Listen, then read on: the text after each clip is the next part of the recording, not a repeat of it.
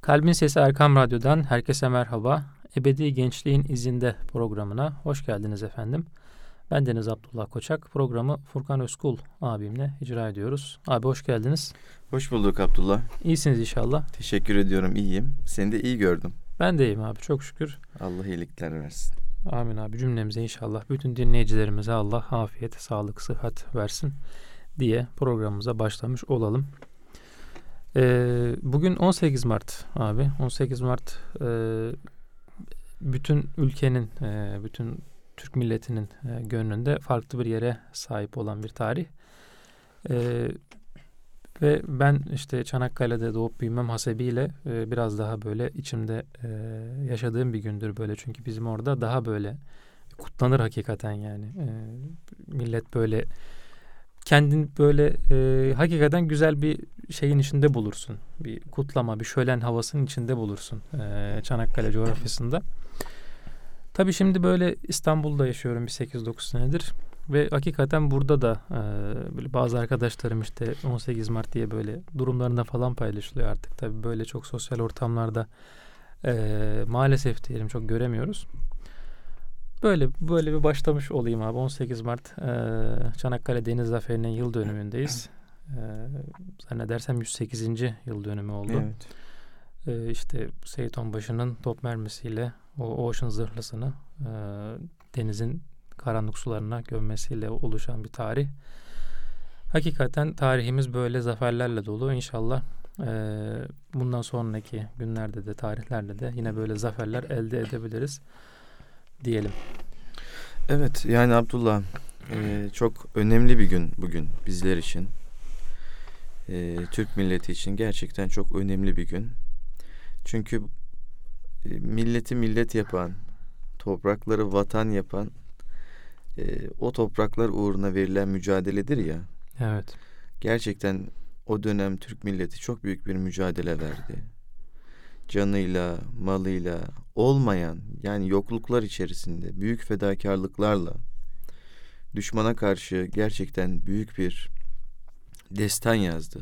Çanakkale evet. Zaferi diyoruz ama e, başka söylemlerde de Çanakkale destanı da e, çokça kullanılıyor. Hmm. Yani Çanakkale evet. aslında mücadelenin ötesinde destanı dönüşmüş bir olaydı.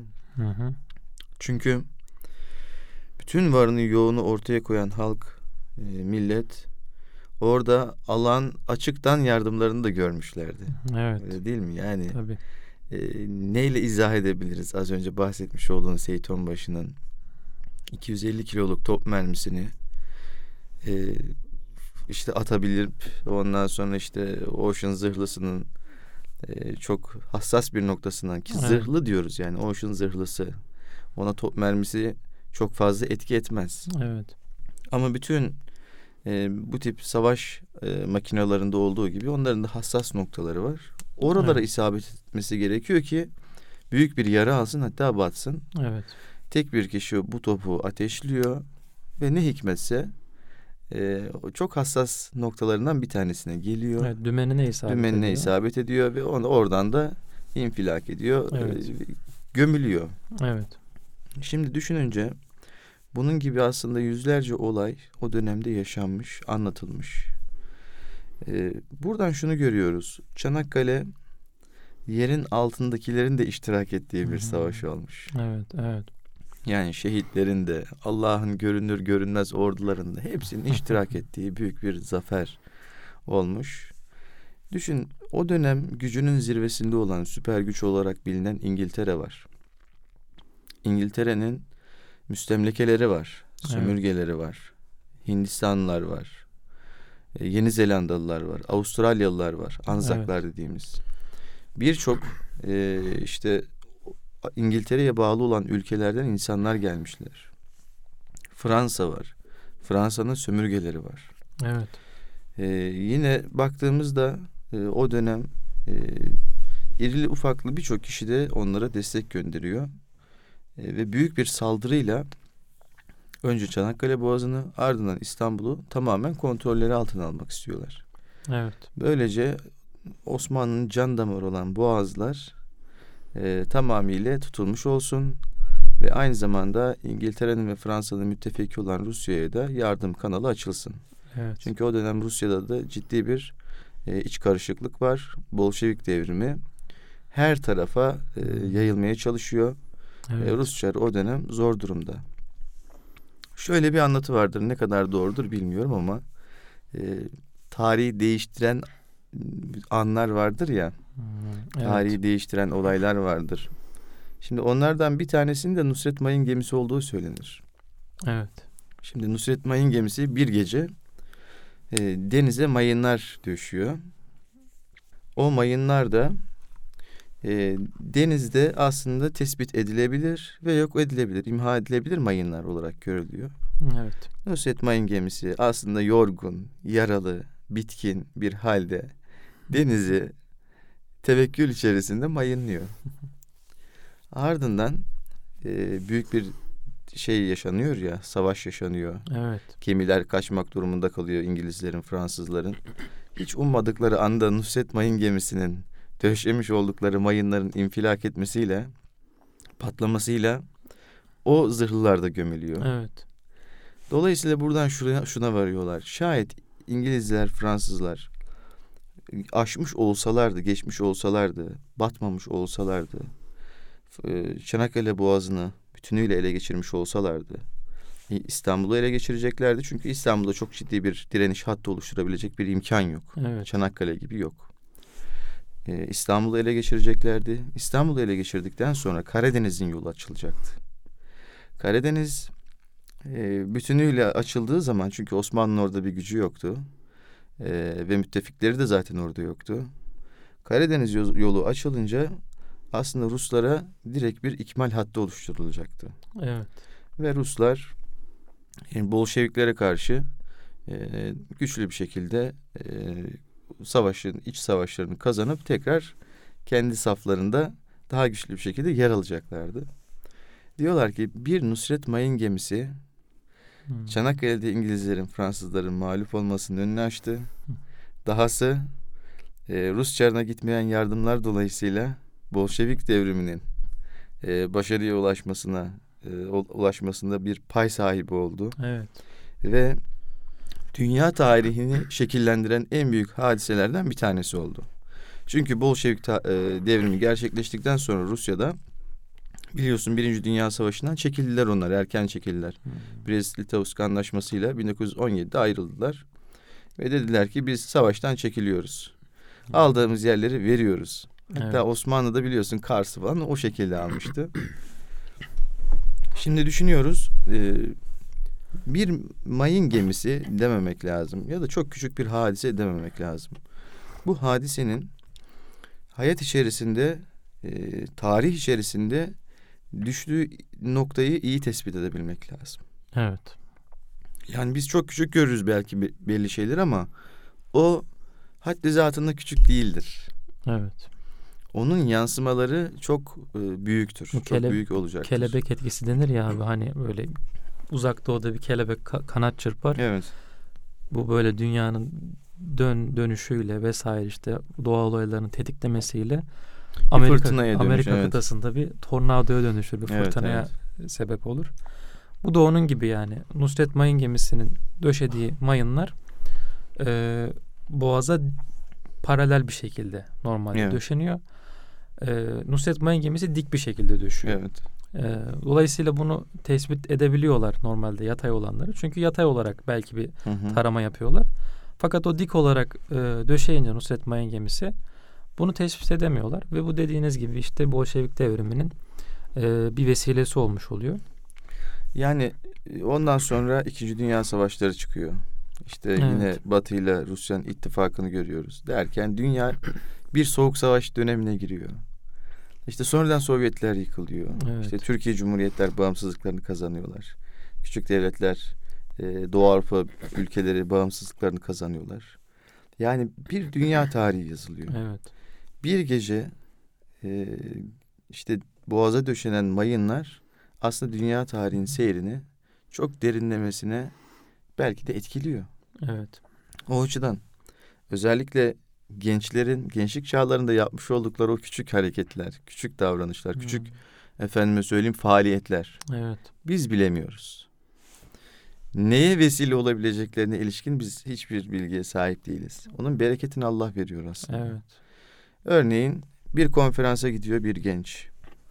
Orada konferans veren kişi işte hoca, öğretmen, e, eğitimci, yazar artık her neyse orada bir cümle kullanıyor.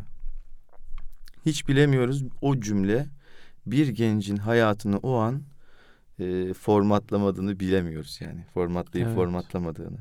Şöyle baktığında yeni bir e, hani ışık yanar ya insanın kafasında. Evet, evet. Böyle bir ışık yanıp yanmadığını bilmiyoruz. Belki o genç büyüyecek, önemli bir insan haline gelecek bunu bilmiyoruz. Belki o konferanstan almış olduğu feyizle, ilhamla e, hem kendi hayatında hem de dünyada çok güzel işler yapacak bunu bilemiyoruz. Bilemiyoruz hakikaten yani. Niye vesile olabileceğimizi bizler bilemiyoruz.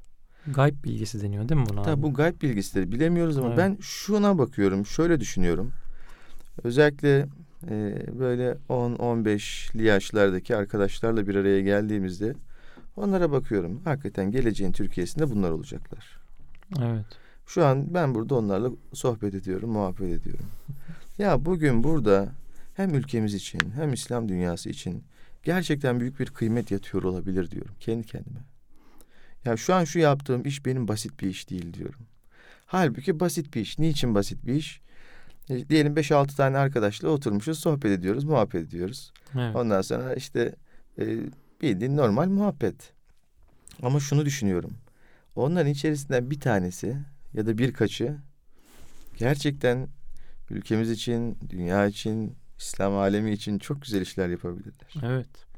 E, ve içtiğimiz çay işte 2-3 liralık çay oluyor mesela. Çok aman aman yerlerde çay da içmiyoruz. Evet. Aman aman imkanlar da kullanmıyoruz.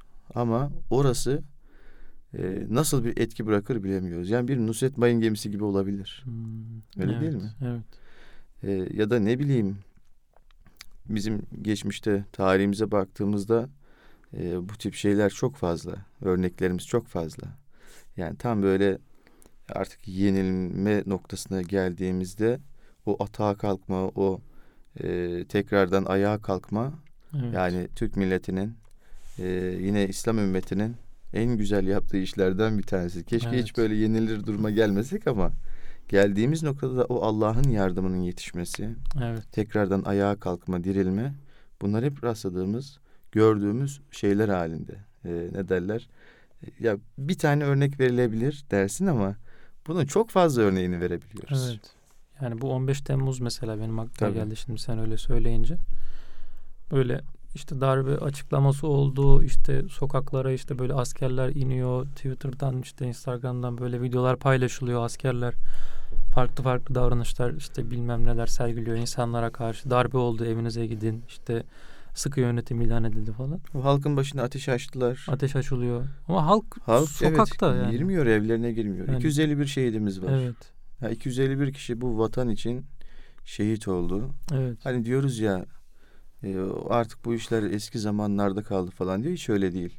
evet. Bir gece vakti hiç kimse bilmiyordu. O işin sabahında hiç kimsenin haberi yoktu. Ya, evet. Kimse şehit olacağını bilmiyordu. Her şey hayat çok normal akışında devam ediyordu ve normal akışında devam ettiği yer İstanbul'da Ankara'ydı. Hepimizin yaşadığı yerler. Evet. İşte İzmir'di, Mersin'de, Manisa'ydı, Bursa'ydı. Öyle değil mi? Bu, bu tip evet, evet. büyük şehirler. Şimdi bakıyorsun bir anda bir ayaklanma haberi çıkıyor. Ee, hiç kimse şunu demedi ya ben evde oturayım ne olur ne olmaz demedi. İnsanlar dışarı çıktı. Evet, evet. İnsanlar vatanlarına, topraklarına sahip çıkma e, azminde oldular. Yani ben ne yapabilirim diye düşündü insanlar ve yapabilecekleri şey yaptılar hakikaten. Ve ben şunu söyleyeyim. Mesela o gün biz de arkadaşlarımızla e, meydana gittik. Evet. Ben kendimi düşünüyorum yani nasıl çıktık, ne yaptık. Ya bir sonrasını hiç düşündüğümü hatırlamıyorum yani. Ne olacağını hiç Değil mi? düşünmedim. Evet. Yani belki e, diyelim Maltepe meydana e, şey atabilirlerdi. E, diyelim bomba atabilirlerdi. Uçak Evet. çünkü uçaklar geçiyorduk e, yukarıdan. Bomba atabilirlerdi. E, yani hepsi geliyor aklına ama hiçbirisi seni korkutmuyor. Evet. Orada şunu gördüm. Allahu Teala bu tip durumlarda e, müminlerin yüreğine sekinet indiriyor ya. Ya, Bu sekinet ilginç bir şey. seni her türlü korkudan azat ediyor. Böyle bir anda e, hatta e, Peygamber Efendimiz Aleyhisselatü Vesselam ve ashabı savaşa gittikleri zaman ashabın içerisinde uyuklayanlar olurmuş. Yani sekinet o kadar geliyor ki Allah Allah. düşün savaşa gidiyor. E, karşı taraf, düşman tarafı yani büyük bir gerilim içerisinde çünkü az sonra Evet. ölebilir. Ama müminlerde büyük bir şey hali, sekinet hali, uyukladıkları olurlar, olurmuş. Yani savaşa giderken insan uyuklar mı? Evet. Hayır ama Allahu. Teala o kadar çok sekinet veriyor ki onların imanlarına iman katıyor. Onların şevklerini arttırıyor ama bir taraftan psikolojik olarak da çok rahatlatıyor. Evet. Ben bunu e, yani şahsım adına çok küçük bir şey de olsa 15 Temmuz'da diğer bütün e, vatanperverler gibi hissettim. Evet. Ki onun öncesine baktığımızda yani bu ülkenin destanları bitmiyor ya. Tarihimizde bizim bu var aslında. Yani kökenimizde bu var. Yani Malazgirt'ten ele al e, örnek veriyorum. E, zaferlerimizi Anadolu'ya girişimizden ele al. Evet. E, ki İslam oluşumuzdan aslında ele almak lazım ama biz Anadolu özelinde düşünecek olursak yaşadığımız bütün e, o büyük imtihanlarda aslında bu tevekkülle, bu teslimiyetle bizler ne yapmışız? Başarıyla çıkmışız. Yani Malazgirt'te düşman sayısı üç kat fazla neredeyse. Ondan sonra e, Çanakkale'de teçhizatımız yok. E, Doğu Anadolu'da yaşanan Kafkaslar'da yaşadığımız bu olaylarda yine çok büyük zorluklar içerisindeyiz. Evet. Ama Allahu Teala'nın yardımını görmüşüz. Ya düşünsene. Dünyanın en güçlü ordularından bir tanesi şehri zapt etmiş ve halk ayaklanma başlatıyor. Ee, bununla birlikte e, düşman ordusunu halk kovuyor. E, Maraş'ta Sütçü İmam öyle değil mi? Tabii. Ondan sonra Erzurum'da Nene Hatun. Evet. Yani düşünebiliyor musun? Halkın içerisinden neferlerin bir andaki o feryatlarıyla ortaya çıkan o etki halkı kuşatıyor ve dünyanın en güçlü ordularını şehirden def ediyor. Evet. Büyük bir iş. Urfa'nın tekrar ele geçirilmesi, Şanlıurfa olması, Antep'in Gaziantep olması, Maraş'ın Kahramanmaraş olması. Bunlar aslında bu destanların, bu zaferlerin e, bizim tarihimizde her noktada olmasıyla alakalı olan bir şey. Evet. Şimdi milletleri millet yapan hikayelerdir diye bir şey vardır. evet. Destanlarıdır, Efsaneleri. efsaneleridir derler Evet. ya. Bizim efsanelerimizin hepsi gerçek. Evet. Şimdi bakıyorsun Amerika millet olmak için Kaptan Amerika diyor. Batman diyor, Superman, Superman, diyor, bir evet. şey diyor. Kardeşim bunların hiçbirisinin bir temeli yok. Hepsi fantastik unsurlar. Yani onları millet yapacak değerler, tarihleri, hiçbir şeylerin olmadığını görüyoruz. Ya Türkiye'de her sokak başında her, her sokağa verilen isimlere şöyle bir dikkat et. Çok basit isimler geçer ama o basit isimler diyelim bir beldede etkili olmuştur. Evet. Diyelim bir ilçede etkili olmuştur. Bir ilde etkili olmuştur. Ülkede etkili olmuştur. O kadar çok kahramanımız var ki kahramanlarımız bile artık bizim için e, sıradanlaşmış demek istemiyorum ama o kadar çok var yani kahraman Evet. kahraman kahraman. Allah kahramanlarımızı eksik etmesin ama Amin. zor günlerde vermesin bizlere. Amin. Ee, şunu söylemek istiyorum. Gerçekten milleti millet yapan en önemli kıymetlere bizler fazlasıyla sahibiz. Bundan dolayı da Allah'a hamd etmek lazım. Şükretmek lazım. Ee, bu toprakların kıymetini bilmek lazım diyorum. Eyvallah. Allah razı olsun. Burada kısa bir ara verelim. İnşallah ikinci bölümde eee, bu meselenin üstünden belki farklı meselelere de değinmiş oluruz diyelim. Erkam Radyo'nun kıymetli dinleyicileri Ebedi Gençliğin izinde programımız kısa bir aradan sonra devam edecek efendim. Kalbin Sesi Erkam Radyo'dan tekrar merhaba efendim. Ebedi Gençliğin izinde programındasınız. Vatan millet sevgisinden konuşuyoruz aslında. Yani amiyane tabirle böyle destanlarımızdan, kahramanlık hikayelerimizden ve bunların ne kadar çok olduğundan ve bu çokluğun aslında e, hem Türk milletinin hem işte İslam coğrafyasının artık bir karakteri o haline gelmiş olmasından bahsediyoruz. Yani bilhassa işte bu e, en son 15 Temmuz'dan bahsettik. E, peki abi bununla ilgili böyle e, peygamberimizin söylemiş olduğu bir hadis-i şerif var sanırım. Ondan e, biraz bahsedebilir misin? Bu vatan sevgisi imandandır gibi bir hadis var diye biliyorum. Evet, hubbul vatan minel iman. Evet. Böyle bir rivayet var ama bu rivayetin e, zayıf ya da mevzu olduğu ifade edilir. Hı hı. Çoğunlukla mevzu olduğu söylenir. Ancak e, kelime anlamı itibariyle e, daha doğrusu ifadenin anlamı itibariyle doğru olduğunu söylemek mümkün. Yani biz vatan topraklarını sevdiğimizde aslında imanımızda güç bulur. Niçin? Evet. Çünkü dinimizi biz bu topraklarda yaşarız. Hmm. Dinimizi bu topraklarda yaşatırız. Biz temel değerlerimizi bu topraklarda hem bireysel anlamda hem de toplumsal anlamda yaşarız. Bir toprağın olmadığında e, bir takım dini vecibelerin ortadan kalktığını biliyorsun değil mi Abdullah? Evet. Doğru. Mesela toprağın olmadığı zaman cuma namazını kılamıyorsun. Evet. Yani orada farz değil sana. Daha birçok şey farz olmayabiliyor. Yani e, bireysel anlamda yapacağın ibadetlerin haricinde toplumsal anlamda birçok şey diyelim farklılaşabiliyor. Niçin? Çünkü o ibadetler o toprakta yapılması gerekiyor. Hmm. Evet. Şimdi e, düşünelim şöyle düşünelim. İçinde yaşadığımız bu topraklar e, da olmasaydık başka bir topraklarda olsaydık nelerle karşılaşabilirdik? Aslında çok büyük felaketlerle karşılaşabilirdik. Dinimiz güvenlik içerisinde olmazdı. Efendime söyleyeyim namusumuz güvenlik içerisinde olmazdı. Aklımız da güvenlik içerisinde olmazdı. Yani bizle evet. nasıl oynayabileceklerini, nasıl baskı kurabileceklerini, neler yapabileceklerini bizler bilemezdik. Yani insanın en temel beş hakkı vardır ya. O işte e, o beş hakkımız bizim güvenlik içerisinde olmazdı. Dolayısıyla kendi topraklarımızda yaşıyoruz. Dinimizin korumayı emretmiş olduğu beş temel esası bizler şayet vatanımız olmasaydı korumakta güçlük çekecektik Abdullah. Bunlardan evet. ilki dindir. Sonra can gelir, nesil gelir, akıl gelir, mal gelir. Yani sahip olunan beş temel değer. Yani dinimiz bu beş şey için insana garanti veriyor. Müslüman olsun ya da olmasın e, beş şey için kendi topraklarında yaşayan tüm insanlara bu garantiyi veriyor. Evet. Diyor ki ben senin dinine karışmayacağım. Ben senin e, vergisini verdiği müddetçe tabii bu gayrimüslimler için e, dinine karışmayacağım. Malına karışmayacağım diyor. Nesline karışmayacağım. Canına karışmayacağım. Bunlara karışmayacağım diyor.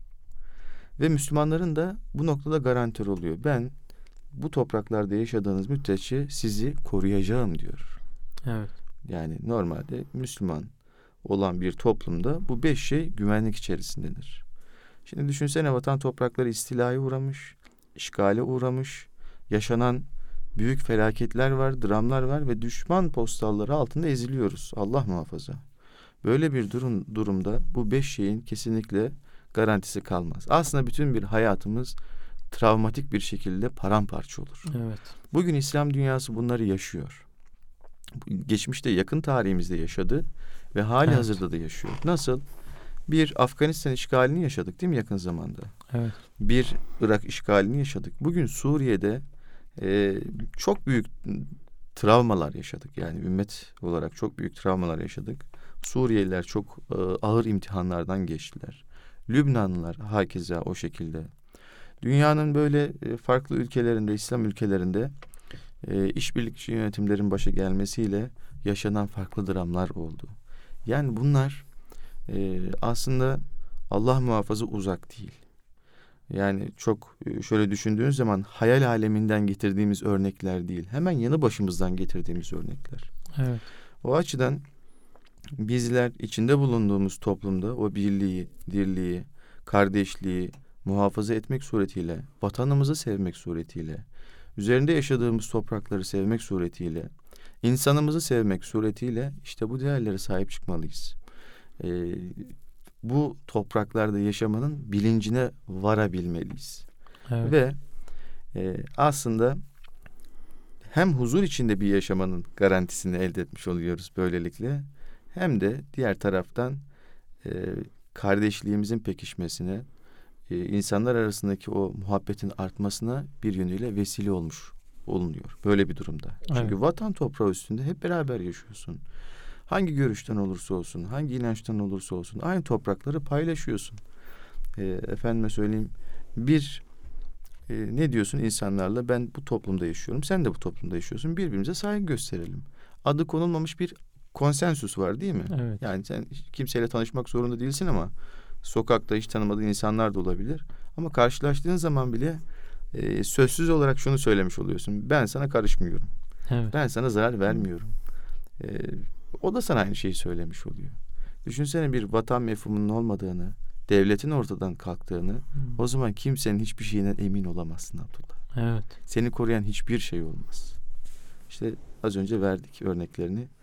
İslam ülkelerinde e, yönetimlerin dağılmış olduğu, vatan topraklarının istila edilmiş olduğu İslam ülkelerinde bunların tamamı ortadan kalkmış. Evet. Düşün bir sene önce beraberce yaşayan insanlar bir sene sonra aynı mahallede birbirlerini öldürdüler. Evet. Yani bunun örneğini Irak'ta, Suriye'de yaşadık. Bunun örneği farklı yerlerde de yaşandı. Çok fazla uzatmak istemiyorum. O açıdan vatana sahip çıkmak lazım. Muhafaza etmek lazım. Sevmek lazım. Özellikle genç kuşak, genç arkadaşların e, bu noktada çok daha hassas olmaları gerekiyor ve onlar da öyleler, öyle olduğunu düşünüyorum. Yani e, özellikle Türk milleti bu noktada gerçekten e, çok takdire şayan bir millet. Öyle Evet. olduğunu inanıyorum. Görüyorum da. Az önce programın ilk kısmında söylemiştin. 15 Temmuz olayında bunu gördük zaten. Evet. Çünkü e, bazı şeyler araştırmalarla ortaya konulmaya çalışılıyor ama bir de realite var. Yani 15 Temmuz hep gençlerin ön safta olduğunu gördük. Evet, Gençler bayrakları dalgalandırdılar. Hani bu gençler dediğimiz tırnak içerisinde e, yozlaşan gençler diyoruz. Ondan sonra işte değerlerinden uzaklaşan gençler Evet. falan. Öyle bir şey olduğuna ben inanmıyorum. Hatta bilirsin rahmetli Erbakan Hoca'nın bir sözü vardır. Bu milletin diyor külünü üflesen diyor altından iman diyor. iman korunun parladığını görürsün. diyor. Evet. Evet. Yani bunlar bir hakikat bana kalırsa. Eyvallah. Yani e, hakikaten şu an belki realitede olmayan fakat çokça dillendirilen bir mevzu var. İşte bu apolitik gençler, işte e, Z kuşağının apolitize olması yani politikadan tamamen uzaklaşması, işte bu bahsettiğimiz o değerlere e, belki biraz yabancılaşması çok konuşuluyor. Fakat böyle Hı hı. afet döneminde işte kötü dönemlerde hakikaten o e, ihtiyaç olunan dönemde o külün üflenmesi mevzu ortaya çıkıyor yani. O kül üfleniyor ve o iman ortaya çıkıyor. İşte bu en son gene depremde bu oldu. Evet. Ee, işte o ırz dedik işte namus dedik ee, işte can güvenliği mal güvenliği belki biraz tehlikeye düştü. Ee, askerden önce askerlerden önce güvenlik kuvvetlerinden önce o mahalleli kendini korudu. Yani gençler e, işte mahallelinin zarar gelmesini engelledi o mahalleliye. İşte o cana, mala, işte artık etrafta ne varsa o dükkanlara bunu engellediler. Ardından işte o dediğimiz o vatan mevzu askerler geldi. İşte o güvenlik kuvvetleri geldi. Onlar böyle olaya el koydu.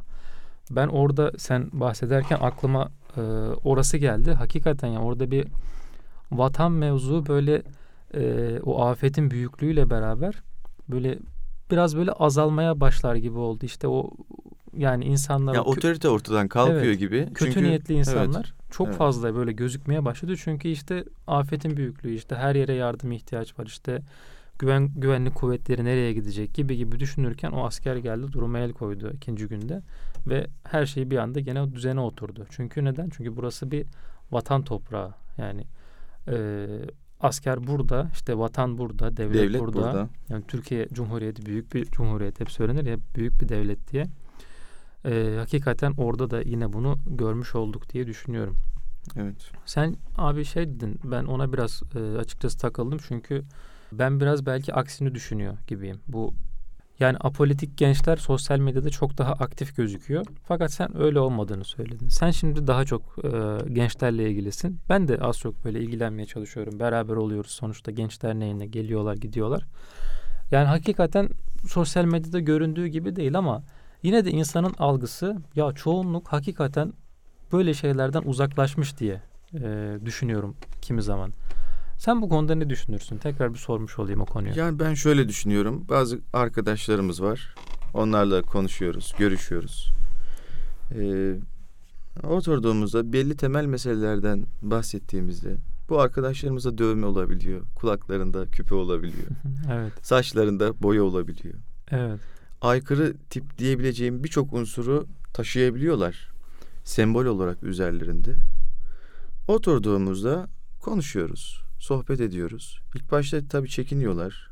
E, biz de çekiniyoruz. Çünkü yani karşımda bir insan var ama çok hani sürekli mülaki olduğumuz, görüştüğümüz insanlardan değil. Evet, evet. Biraz konuştuğumuzda bir mahallemin çocuğu olduğunu görüyorum ya.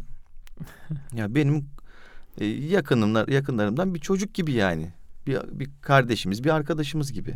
Evet. E, o da benimle konuştuğunda aslında e, bir abisiyle konuşuyor.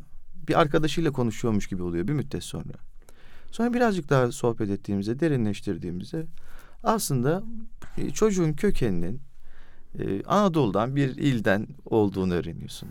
Ailesinin diyelim e, mütedeyyin bir aile olduğunu öğreniyorsun. Dedesinin hacı olduğunu öğreniyorsun. Evet. Mesela ya çocuk aslında bizim çocuğumuz diyorsun. Oturduğumuzda, sohbet ettiğimizde bizim kardeşimiz diyorsun. E, temel değerlere baktığımız biraz böyle isyankar tavırlarını görüyorsun ama biraz daha sohbet ettiğinde temel değerlerimizde hiçbir kavgasının olmadığını görüyorsun. O bir refleks geliştirmiş. Neye karşı bir refleks geliştirmiş? Aile baskısına karşı bir refleks geliştirmiş. Okul baskısına karşı, toplum baskısına karşı bir refleks geliştirmiş. Kendine bir alan oluşturmuş. Bir, bir şeyi yani bir isyan e, ediyor bir şeylere. Bunu öyle ortaya koyuyor. Evet. Ama şunu görüyorsun. O Allah'a isyan etmiyor. O e, ailesinin kendisine uygulamış olduğu bir diyelim ki aşırılığa karşı isyan ediyor. Tepki veriyor daha doğrusu. İsyan ediyor demek de çok uygun olmayabilir. Tepki gösteriyor. Evet. Kendi kimliğini oluşturmaya çalışıyor. Dolayısıyla özellikle ergenlik çağındaki arkadaşlar ve sonraki o ilk gençlik çağları yani 15-20 e, yaş arası diyelim ki bunu bu arkadaşlarda görüyoruz. Ee, ama kökenlerine baktığımda şöyle birazcık e, yokladığımızda yani çok önemli hassas duygusal meselelere girildiğinde diyelim hepimizi etkileyen meselelere girdiğimizde onların da etkilendiğini evet. görüyoruz. Onların da gözlerinin yaşlandığını görüyoruz. Peygamber Efendimiz Aleyhisselatü Vesselam'ın, ashabın e, o zor zamanlarına ilişkin bir mesele anlatıldığında onların da gözlerinin nemlendiğini görüyoruz. Yani bu imanın olduğunu gösteren bir hmm. e, şey. Evet. Bu aslında kalbinde değerlerin, o ahlakın olduğunu gösteren bir şey. Yani ben e, bu örnekleri çoğaltabildiğim için zihnimde karşılaştığım ve birbirinden çok uzak kesimlerde, yerlerde karşılaştığım e, örnekleri düşünürken, düşündüğümde daha doğrusu e, böyle olduğunu böyle olduğunu inanıyorum.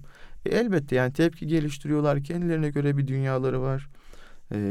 Yani seni kabul etmek istemeyebiliyorlar, ailelerini kabul etmek istemiyor biliyorlar değerler itibariyle. Ama birazcık evet. sohbet ettiğinde, konuştuğunda ben birçoğunun e, aslında ya hepsi bizim çocuğumuz diyor. Hepsi bizim var kardeşimiz, arkadaşımız diyorum ya. Evet. Hani kime ne diyebiliriz ki? E, oturacaksın, konuşacaksın, sohbet edeceksin. Ya biraz da şu var. Bu arkadaşlarımızın sorunları kendileri için büyük olabilir ama diyelim biz de o yollardan geçtiğimiz için örnek veriyorum. Bizim için aşılmış meseleler haline gelebiliyor. Hmm. Sen kendi tecrübeni onlarla paylaştığında ufuk açıyorsun. Abi diyor bir daha oturalım diyor. Ya bu önemli bir mesele diyor. Bir daha oturalım bir daha konuşalım diyor. O arada kendisi bir değerlendiriyor süreci. İkinci oturduğunda daha şey yaklaşıyor olaya. Evet. Daha soğukkanlı yaklaşıyor. Daha makul yaklaşıyor. Yani sen onu ikna etmiyorsun. Aslında o senden alacağını almış oluyor. Yani bizim derdimiz insanları ikna etmek, gençleri ikna etmek değil. Tabii. Yani benden alabileceğim bir tecrübem varsa gel al. Meselemiz bu. Evet. Sonuçta bu iman dediğimiz şey de aslında öyle değil mi abi? Yani kendi meselesi aslında. O insanın anlam arayışıyla ortaya çıkan bir şey. Yani kalbinde o imanı bulması gerekiyor. Yani sen onu ikna ediyorsun ama kalpler Allah'ın elinde e, neticede. E, tabii ki yani şöyle bir şey var. Ben seni ikna etmek için çok farklı metotlar deneyebilirim. Evet. E, bilimsel gelişmeler ortaya koyabilirim. Toplumsal gelişmeler ortaya koyabilirim. Hitabetimi konuşturabilirim. Mantığın böyle en güçlü taraflarını işte e, kullanabilirim. Haksız da olsam seni ikna edebilirim. Evet. Dersin ki ya doğru değil ama adam çok güzel konuştu. ikna etti beni diyebilirsin. Evet. Bu bizi hakikate götürmez. Bizi hakikate şu götürür. Yani doğru bir şey var ortada. Bu doğruyu al kardeşim. Yani doğru bu. Hmm. Yani do- doğru bu. Sen Evet. bundan istediğin, ihtiyaç duyduğun kadarını al. Bak biz de bu yollardan geçtik diye düşünüyorum ben kendi açımdan. Bak Evet. bu burada yani. Ben seni yönlendirmiyorum. Ben sana özel bir şey söylemiyorum. Ama ben böyle bir tecrübe yaşadım. Bu tecrübeden sonra buraya geldim. Benim bir arkadaşım şöyle bir tecrübe yaşamıştı. Şöyle bir noktaya gelmişti. Hmm. Seçenekleri arttırıyorum. Anlatıyorum. Sohbet ediyorum. Ya arkadaş oluyorsun ya çocuklu bir arkadaş olunca. Evet. Hani bir hedef e, kişi olarak görmüyorsun yani. Onunla arkadaş oluyorsun. Dost oluyorsun. evet. Bu aslında ailelerinde e, böyle arkadaş ortamlarında e, diyelim sohbet gruplarında birçok kişinin aslında düşünmesi gerektiği e, noktanın bu olması gerektiğine ben inanıyorum. Yani e, refor, fo- yeniden forma sokacağımız bir kitle değil de arkadaş olacağımız bir kitle. Evet. E, arkadaş olacağımız bir şahıs. Böyle düşünmek lazım. Ya bizim de onlardan alacağımız çok şeyler olabiliyor. Onların da çünkü farklı bir tecrübeden geçtiğini görüyorsun. Evet. Onlar da farklı bir iklimdeler. Yani sen onlardan bir şey alıyorsun. Onlar senden bir şey alıyorlar. Dolayısıyla ortak bir paydada buluşmuş oluyorsun. Yani orada öğretmen öğrenci yok. Orada herkes öğretmen, herkes öğrenci. Evet. E, olaya böyle baktığımızda çok daha güçlü ilişkilerin kurulduğunu ve değer vermiş oluyorsun. Karşı taraf da sana değer vermiş oluyor. Dikkat et eskiden mesela ne vardı? Mahalle abileri vardı. Onlar gençlere e, dis- disiplin verirlerdi. Böyle mahallenin rengini verirlerdi. Kültürünü aktarırlardı. Evet. Köşe başlarında otururlardı işte. Öyle değil mi yani böyle evet, işte evet. ve abilerimiz vardı geçmişte. E şimdi bakıyorsun e, artık böyle insanlar yok. E, böyle bir kültür de çok fazla kalmadı. Gençler, çocuklar evlerinde sosyal medyayla, telefonlarında sosyal medyayla yetişiyorlar. Oranın kültürünü, rengini alıyorlar. Yani onlarla iletişime geçmek eskisi gibi olamaz yani. Mümkün değil olamaz. Buyrukçu bir dil olamaz. Onlarla arkadaş olacaksın. Onları yani adam hani tırnak içerisinde adam yerine koyup dinleyeceksin yani. Evet. Oturup dinleyeceksin. Sen kendini anlatacaksın. Onlar, onlar sana kendilerini anlat. Müzakere olacak yani aranda Hmm. Diye düşünüyorum. Eyvallah abi. Yani o mahalle abiliği e, tabiri hakikaten önemli. E, artık öyle bir ne denir kurum kalmadı diyebiliriz yani. Bilmiyorum yani bu bu gençlik nereye gidiyor? Mahalle abiliği olmadan işte o ablalık olmadan e, mahalledeki o teyze olmadan hep bunu konuşuyoruz Bu zaten. aslında ne biliyor musun? Mahalle abiliği meselesi o ta İslam'ın ilk dönemlerinde Ashab-ı Sufiye'ye kadar giden geçmişi Aynen var. Benim de aklıma o geldi. Fütüvvetin Evet. fütüvvet teşkilatı oluyor ondan sonra bu. Yani bu bizim e, diyelim kabadayılar diyoruz ya. Yani Evet. kabadayılar kötü şeyler değildi. Kabadayılık meselesi. Evet. e, o külhan beyleri falan bunlar kötü şeyler değildi. Bunlar mahallenin o e, ne diyorlar ona E, polise iş kalmasın. Evet asayişini Asayişi sağlayan o Tabii. tabii, bir problem olmasın. Kardeşlik devam etsin. Yardımlaşma devam etsin. E, O insanlar kendi aralarındaki e, diyalogları en nazik, en güzel şekilde nasıl sürdürmeleri gerekiyorsa öyle sürdürsün. evet. Dışarıdan bir tehlike gelmesin. Öyle insanlardı. Fütüvvet, gençlik teşkilatı demek Tabii, fütüvvet. Yani o mahallenin çekip çevrilmesinde ve korunmasındaki önde olan kişilerdi. Ve bunu gönüllü yapıyorlardı. Bunlar aslında yakın zamana kadar işte o mahalle abiliği falan yaşça diyelim 20-25 yaşındaki kişiler 10-15 yaşındaki çocuklara evet. ne yapardı? Abilik yaparlardı mahallede. Evet. Yaşça büyüklerdi. Onlarla sohbet muhabbet ederlerdi. Ondan sonra e, yani bir diyalogları vardı. Evet. Bir, bir şekil verirlerdi onlara. Bir renk verirlerdi. Mahallenin rengini verirlerdi. Ama şu an tabii bunlar kalmadı. Çünkü çok fazla büyüdük. Çok fazla kalabalıklaştık. Evet. Çok fazla birbirimize yabancılaştık. Çok fazla göçler oldu. Evet. Yani eski mahallelerimiz yok. Eski sokaklarımız yok. Dolayısıyla burada e, belki lokaller üzerinden işte yine işte Gençlik ve Spor Bakanlığı'nın değil mi? Millet Evet, kıraathaneleri evet. falan. Buralar daha efektif kullanılabilir. Evet. E, farklı imkanlar, camiler, cami çay ocakları e, kullanılabilir. Yani Evet. elimizde var olan bütün imkanları değerlendirmek suretiyle aslında ben bu noktada camileri çok önemsiyorum. Yani Evet, camilerin cami biliyorsun toplayan demek. Tabii. Yani gençleri, orta yaşlıları, ihtiyarları hepsini toplasa, Cem etse yani. cem etse Evet. ve onlara hakikaten herkes kendi tecrübesini orada paylaşsa, kendi dünyasını aktarsa, o 7'den 70'e herkes orada bir aşure olsa yani bir kaynaşsa e, bu en güzeli bu olur aslında ama e, tabi şartlar, zaman, imkanlar evet. hepimizin üstüne hepimizin düşen üstünde, evet. vazifeler var bu konuda. Elimizden ne geliyorsa e, hani ilk bölümde konuşmuştuk. Programımızın ilk bölümünde o kahramanlığı belki biraz e, içimizden e, çıkarmak gerekiyor. O kahramanlık duygularını böyle biraz ön plana almamız gerekiyor. Yani ben bu mahallenin işte abisi olacağım. İşte ben bu mahallenin e, en iyi çocuğu olacağım gibi böyle hani Altınoluk dergisinin de eki var ya altın çocuk diye. Hmm. Bana hep onu örnek verirlerdi mesela sen altın çocuk ol diye. E, işte tabağımı temizlerdim bak altın tabak işte odamı toplardım hmm. bak altın oda falan diye. İşte o mahallenin altın çocuğu olmak işte altın genci olmak gibi yani böyle örnekler kendimize e, verebiliriz. E, dediğimiz gibi yani hepimizin üstüne düşen vazifeler var ve bu vazifeleri Allah rızası için e, yapmamız gerekiyor. İnşallah onu yapanlardan oluruz diyelim. Abi Allah razı olsun. Güzel bir sohbet, muhabbet oldu. İnşallah dinleyicilerimiz de istifade etmişlerdir diyelim. Erkam Radyo'nun kıymetli dinleyicileri, Ebedi Gençliğin izinde programımız burada sona erdi. Haftaya görüşünceye dek sağlıcakla kalın. Allah'a emanet olun efendim.